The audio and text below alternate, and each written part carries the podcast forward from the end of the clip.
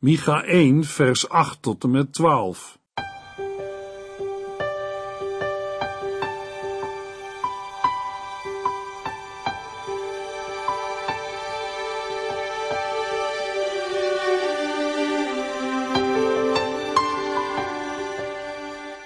Hartelijk welkom bij De Bijbel Door. Dit is een programma van Transworld Radio. U kunt ons ook vinden op internet www.transworldradio.nl. De Bijbel Door is een radioserie die in vijf jaar tijd door de hele Bijbel gaat. Van Genesis tot Openbaring, van kaft tot kaft.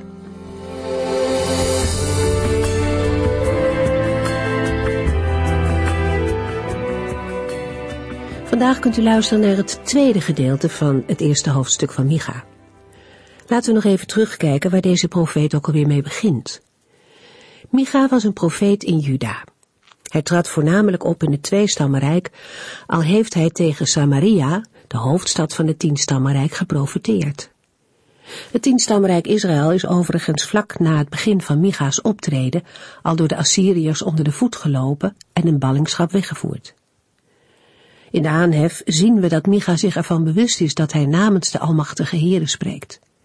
Hij begint met alle volken en de aarde met alle schepselen op te roepen om te luisteren naar wat hij gaat zeggen.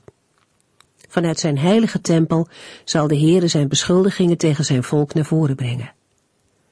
Alle volken worden opgeroepen om te luisteren.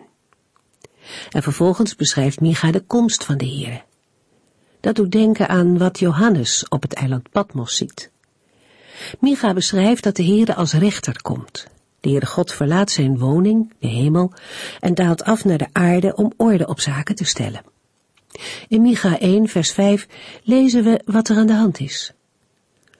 Omdat Israël en Juda hebben gezondigd. Welke zonde hebben zij begaan? Zij hebben afgoderij binnengelaten in de hoofdsteden Samaria en Jeruzalem. Gods oordeel over Israël en Juda is er omdat zij hebben gezondigd. En toch is het niet het definitieve oordeel van God. Later zal blijken dat het een oordeel van de Heere is omdat zijn volk op alle andere woorden van hem niet heeft gereageerd en zich niet heeft bekeerd. Nu moet de Heere strengere maatregelen nemen, want hij wil zijn volk niet kwijt. De Heere verlangt ernaar dat zij in hun nood weer tot hem gaan roepen en weer zullen gaan leven naar zijn woorden en geboden. Dat is de boodschap die de profeet mag brengen. We gaan verder in Micha 1 vanaf vers 8.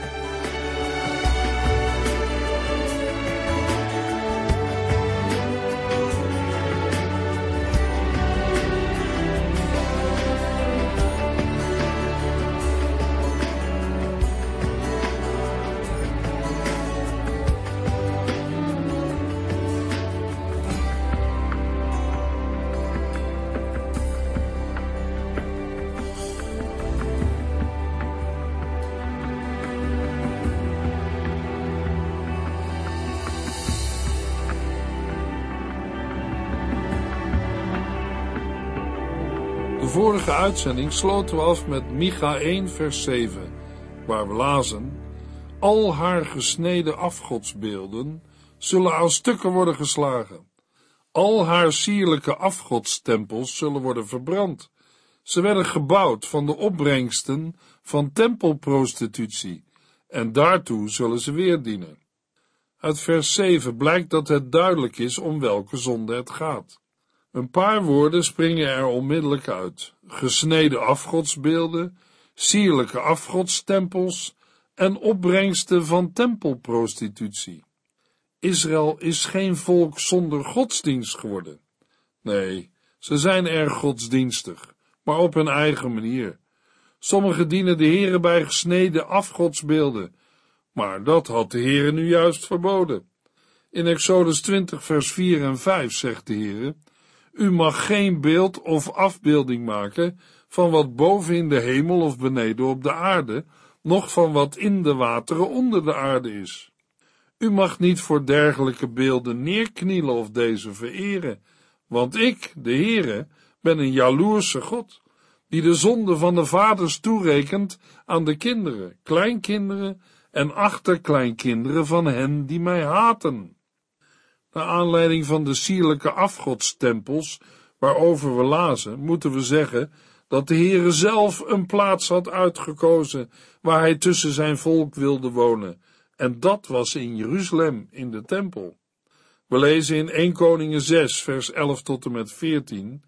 Toen gaf de Heere Salomo de volgende boodschap over de tempel die hij aan het bouwen was. Als u doet wat ik zeg en al mijn geboden gehoorzaamt, zal ik doen wat ik tegen uw vader David heb gezegd. Ik zal te midden van de Israëlieten wonen en hen nooit in de steek laten. Daarna voltooide Salomo de bouw van de tempel. Wat de Heere tegen David heeft gezegd over de bouw van de tempel, is te lezen in 2 Samuel 7 en 1 Kronieken 22. Met de installering van de afgodstempels in Dan en Bethel ging Jerobiam dwars tegen de besluiten van de Heere in en ging daarmee zijn onderdanen voor in het dienen van afgoden, als ook een dienen van de Heere op een wijze die de Heere uitdrukkelijk had verboden. En dat de tempels dan ook nog gebouwd zijn van de opbrengsten van tempelprostitutie, is een dubbele belediging van de Heere. De Heere had door Mozes zijn volk duidelijke instructies gegeven voor het beloofde land. In Deuteronomium 7 lezen we, wanneer de Heere u het beloofde land laat binnentrekken, wat hij binnenkort zal doen, zal hij de volgende zeven volken, alle groter en machtiger dan u, verdrijven. De Hethieten, de Gergazieten, de Amorieten, de Kanaanieten, de Perizieten, de Gewieten en de Jebusieten.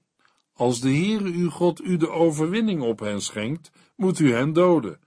Sluit geen vredesverdrag en spaar hen niet. Sluit onderling geen huwelijken met hen, laat uw zonen en dochters niet met hun zonen en dochters trouwen. Dat zou er zeker toe leiden dat uw zonen en dochters hun afgoden gaan aanbidden.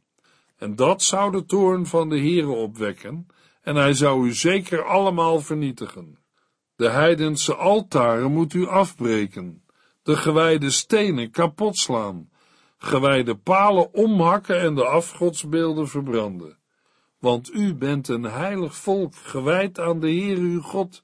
Hij heeft u uit alle volken op aarde uitgekozen om zijn kostbaarste bezit te zijn. Niet omdat u een groter volk was dan de anderen, heeft de Heer u uitgekozen, want u was het kleinste van allemaal. Hij deed dat omdat hij zoveel van u houdt en zijn belofte aan uw voorouders hield. Daarom bevrijdde hij u uit Egyptische slavernij, met zo'n vertoon van macht en grote wonderen. In Deuteronomium 7, vers 25 en 26 lezen we dan nog: Verbrand hun afgodsbeelden en raak het goud en zilver, waarvan zij zijn gemaakt, niet aan. Eigen het u niet toe, want dan zal het een struikelblok voor u worden. De Heere verafschuwt deze dingen. Neem ook geen afgodsbeelden in huis om die te aanbidden want anders wordt u vernietigd, net als zij. U moet er een afkeer van hebben, want het zijn vervloekte voorwerpen. Het dienen van afgoden is voor de Heere geestelijk overspel, want het dienen van afgoden is voor de Heere niet anders dan hoererij, het overspelig verlaten van de God van Israël. Micha ziet het in de visioenen die hij van de Heere kreeg. Al haar gesneden afgodsbeelden zullen aan stukken worden geslagen. Al haar sierlijke afgodstempels zullen worden verbrand. Ze werden gebouwd van de opbrengsten van tempelprostitutie. En daartoe zullen ze weer dienen. Micha 1, vers 8 en 9. Ik zal treuren en jammeren, huilen als een jakhals, droevig roepen als een struisvogel in de woestijn. Ik zal naakt en op blote voeten lopen, want de wonden van mijn volk zijn ongeneeslijk. Het oordeel staat voor de poorten van Jeruzalem, klaar om haar te treffen. Micha ziet de rampspoed die Samaria zal treffen en in de toekomst ook Jeruzalem. De profeet is daar zo sterk van overtuigd, dat hij er nu al over treurt en huilt. In de nu volgende versen roept Micha allerlei steden op om met zijn klacht in te stemmen, omdat de genoemde steden er ook zelf treurig aan toe zullen zijn. De steden die de profeet noemt zijn plaatsen die in de omgeving van zijn geboorteplaats lagen. In de Hebreeuwse tekst ontdekken we dat Micha de steden oproept met een aantal woordspelingen, die wij in onze taal niet kunnen weergeven. De profeet wil op deze manier zijn hoorders de dreigende woorden in hun ziel prenten. Uit vers 8 blijkt opnieuw dat het zwaartepunt van de profetische werkzaamheden van de profeet Micha uit Moreset weliswaar heeft gelegen in het tweestammenrijk Juda, dat hij in vers 9 mijn volk noemt, maar dat hij ook heeft moeten profeteren tot het tienstammenrijk Israël. Dat moet in de periode zijn geweest die nog net voorafgaat aan de verovering van het tienstammenrijk, de verwoesting van Samaria en de wegvoering van het volk naar Assyrië. Vooral de eerste zeven versen is een aankondiging van die naderende ondergang geweest. Samaria wordt een puinhoop en alles wat de inwoners met de opbrengst van hun zondige praktijken hebben verworven, zal worden geroofd en opnieuw worden gebruikt om er zondige praktijken mee te betalen. In de situatie van het Bijbelboek Micha gaat het dan om tempelprostitutie. Zonde kost nu eenmaal geld. Eigenlijk zouden wij verwachten dat de profeet Micha deze boodschap zonder veel medelijden zou hebben verkondigd. Wij zouden het best begrijpelijk hebben gevonden als er in zijn woorden een stuk leedvermaak had doorgeklonken. Want de verhouding tussen de koninkrijken Juda en Israël was in die tijd heel slecht. Op initiatief van de koning van het tienstammenrijk Israël was er een bondgenootschap gevormd tussen Samaria en Damascus, de hoofdstad van het Syrische Rijk. En die twee landen waren vervolgens een oorlog begonnen tegen Juda in de dagen van koning Agas, dat wil zeggen, in dezelfde tijd waarin Micha profeteerde. Als Micha de ondergang van Samaria moet aankondigen, dan gaat het over de vijanden van het tweestammenrijk Juda, Micha's eigen volk. Daarbij komt nog dat ze ook nog eens vijanden van God zijn. In zo'n situatie zouden wij een bepaald gevoel van opluchting verwachten, zo van, gelukkig, daar zijn we vanaf. Of misschien wel iets van leedvermaak, net goed, boontje komt om zijn loodje. Micha kan zulke persoonlijke gevoelens verborgen hebben gehouden, maar dan zouden we eerder een meer zakelijke mededeling verwachten, waarbij de profeet zelf koud en onbewogen blijft. Toch lezen we in vers 8 dat het anders is. Micha zegt, ik zal treuren en jammeren, huilen als een jakhals, droevig roepen als een struisvogel in de woestijn. Ik zal naakt en op blote voeten lopen, want de wonden van mijn volk zijn ongeneeslijk. De boodschap raakte Micha zelf. Wij zouden misschien iets anders hebben verwacht, maar Micha is er van ondersteboven. Dat is precies het tegenovergestelde van wat wij in eerste instantie dachten. We zien een profeet, of liever, we horen hem treuren en huilen. Dat is wat mensen in die tijd deden als zij een geliefde of een dierbare hadden verloren. Zo'n reactie is voor geen tweeërlei uitleg vatbaar. Uit de verte hoorde je al aan de geluiden dat de mensen een groot verdriet hadden. Micha staat tijdens zijn boodschap luid te huilen. De profeet kan zijn diepe emoties op geen enkele manier verbergen. Dat wil hij ook niet. Iedereen mag zien en horen hoe de boodschap die hij moet brengen hemzelf diep raakt. Bloothoofds en barrevoets loopt hij in zijn onderkleed door de straten. En als iemand hem vraagt, Micha, wat is er? Wie is er overleden? Dan snikt hij het uit en zegt, Samaria wordt een puinhoop. En in de verte klinkt zijn boodschap als het gehuil van dieren, die wonen op afgelegen en verwoeste plaatsen. Het is het geluid van huilende jakhalzen en van roepende struisvogels in de woestijn. De genoemde dieren worden als voorbeeld genomen, omdat zij een huilend geluid voortbrengen.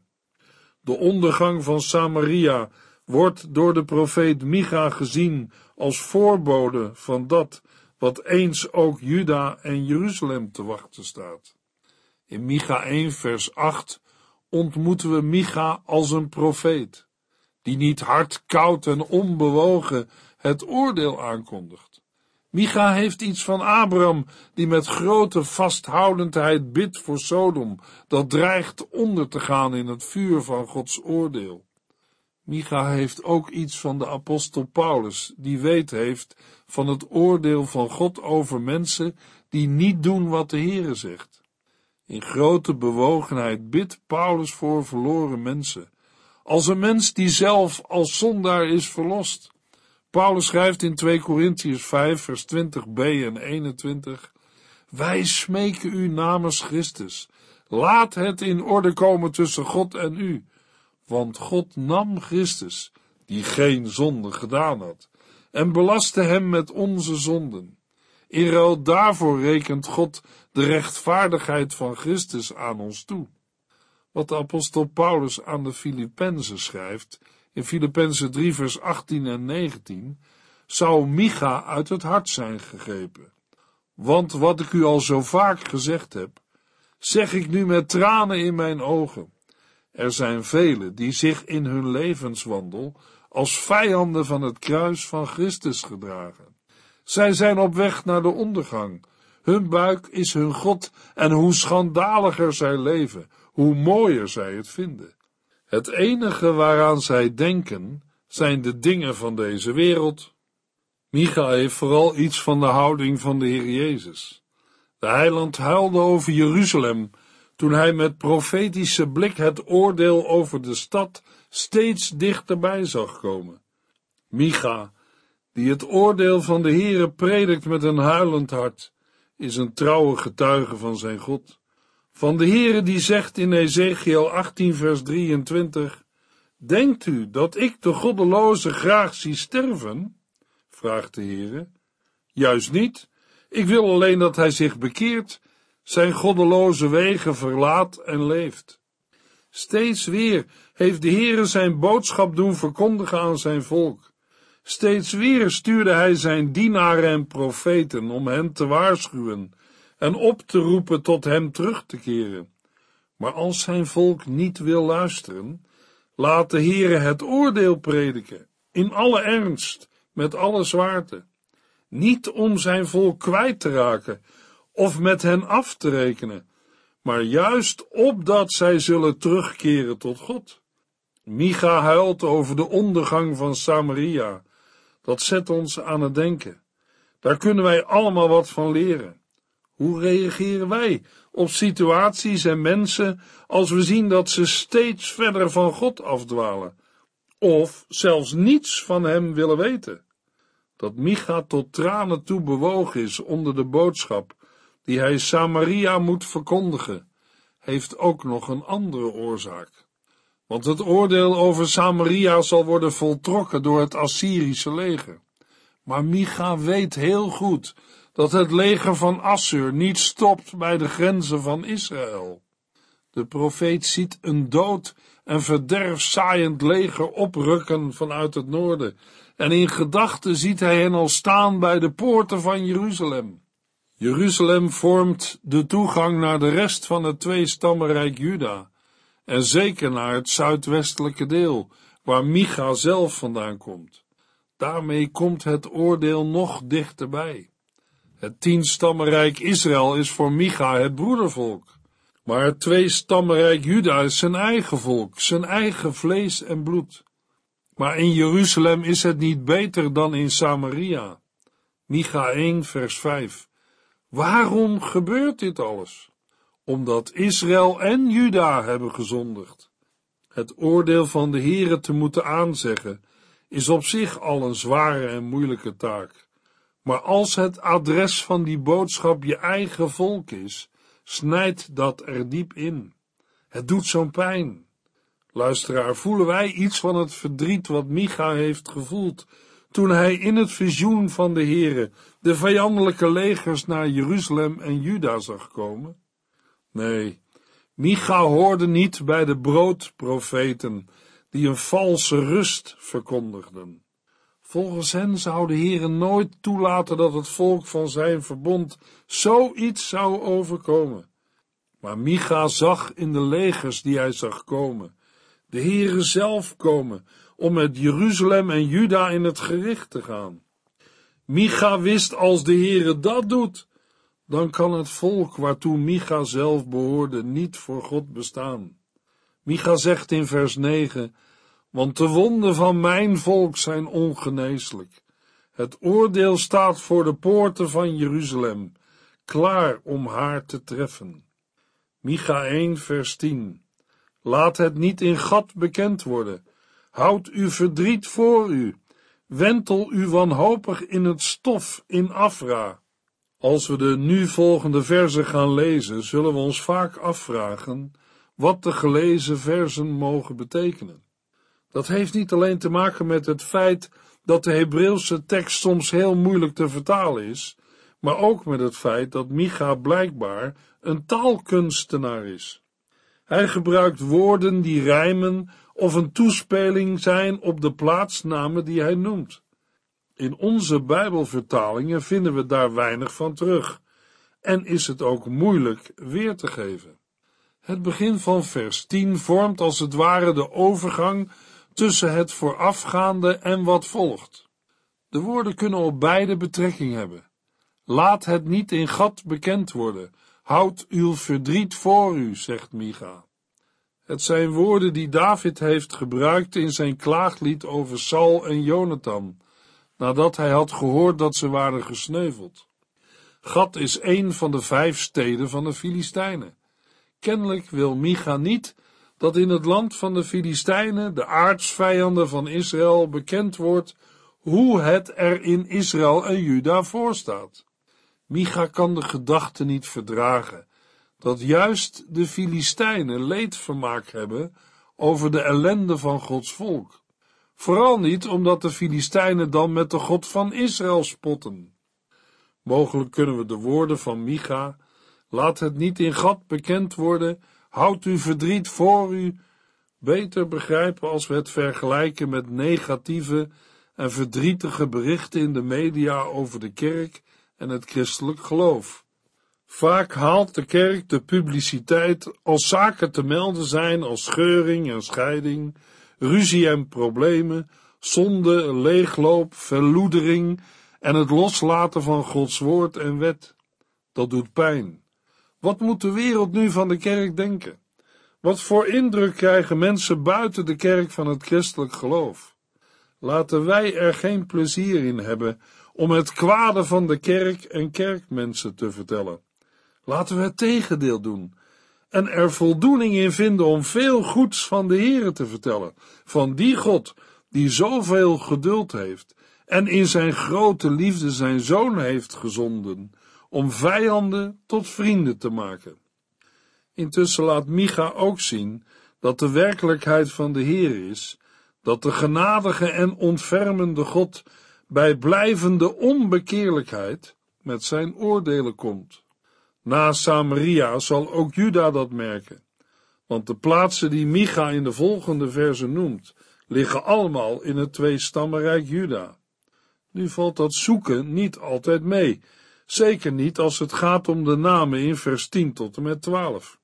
We krijgen de indruk dat we de plaatsen in deze verse moeten zoeken ten noorden van Jeruzalem, terwijl de plaatsen in de verse 13 tot en met 16 ten zuidwesten van de hoofdstad Jeruzalem hebben gelegen. De scheiding ligt dan bij Jeruzalem, en daar wijst het slot van vers 12 op. We lezen er, want de Heere staat met onheil klaar voor de poorten van Jeruzalem. Zoals we gezien hebben, moeten we bij het onheil denken aan de Assyrische legers die na Samaria verwoest hebben, nu optrekken tegen Jeruzalem. Opvallend is wel dat de aanduiding van het vijandelijke leger wordt verwoord met de woorden De Heere staat met onheil klaar. Micha ziet met zijn profetische blik de Heere zelf. God gebruikt het Assyrische leger als een instrument in zijn hand om Jeruzalem te straffen en tot inkeer te brengen, zoals ouders hun ongehoorzame kinderen op het rechte spoor willen terugbrengen. Dat is huiveringwekkend, te meer als we bedenken dat de meeste inwoners van Jeruzalem van gedachte zijn dat de Heere zijn stad wel zal beschermen. Micha 1 vers 11 Daar gaat de bevolking van Safir. Als slaaf wordt zij weggeleid, naakt en vol schaamte.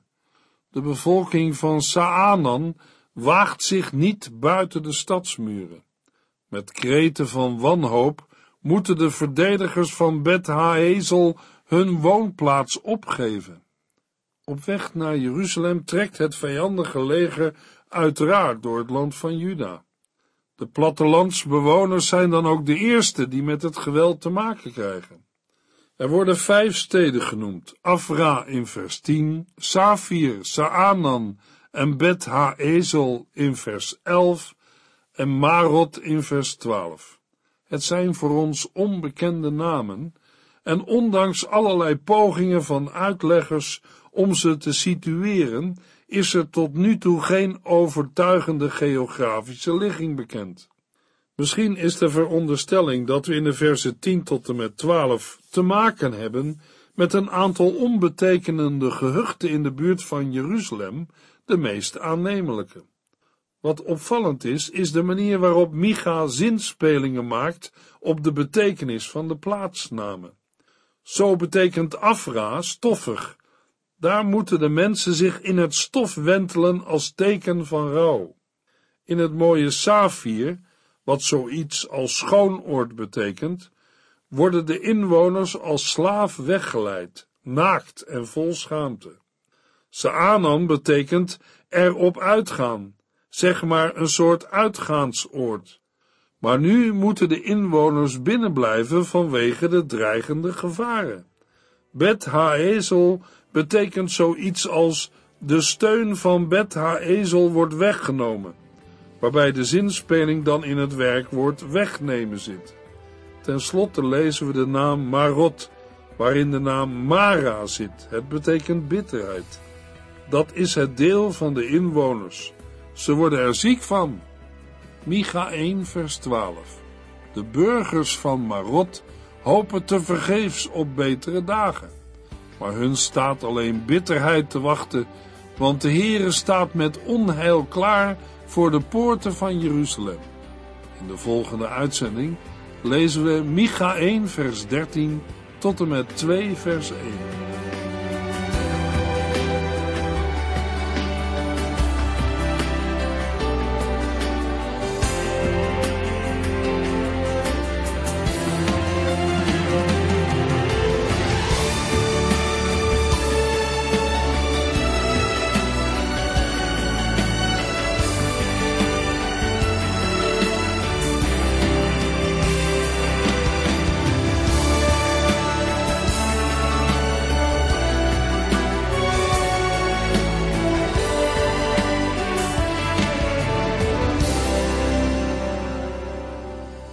Eindigt deze aflevering van De Bijbel Door.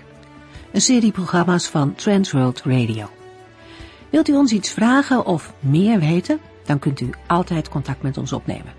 Bellen kan overdag met 0342 478432. Per post Transworld Radio. Postbus 371. Postcode 3770. Anton Johannes in Barneveld. En e-mailen kan ook. De Bijbel door at transworldradio.nl En natuurlijk ook via onze website transworldradio.nl Dit programma werd gepresenteerd door Cor Weda en Ike André. En namens iedereen die er nog meer aan meegewerkt heeft, graag tot de volgende keer.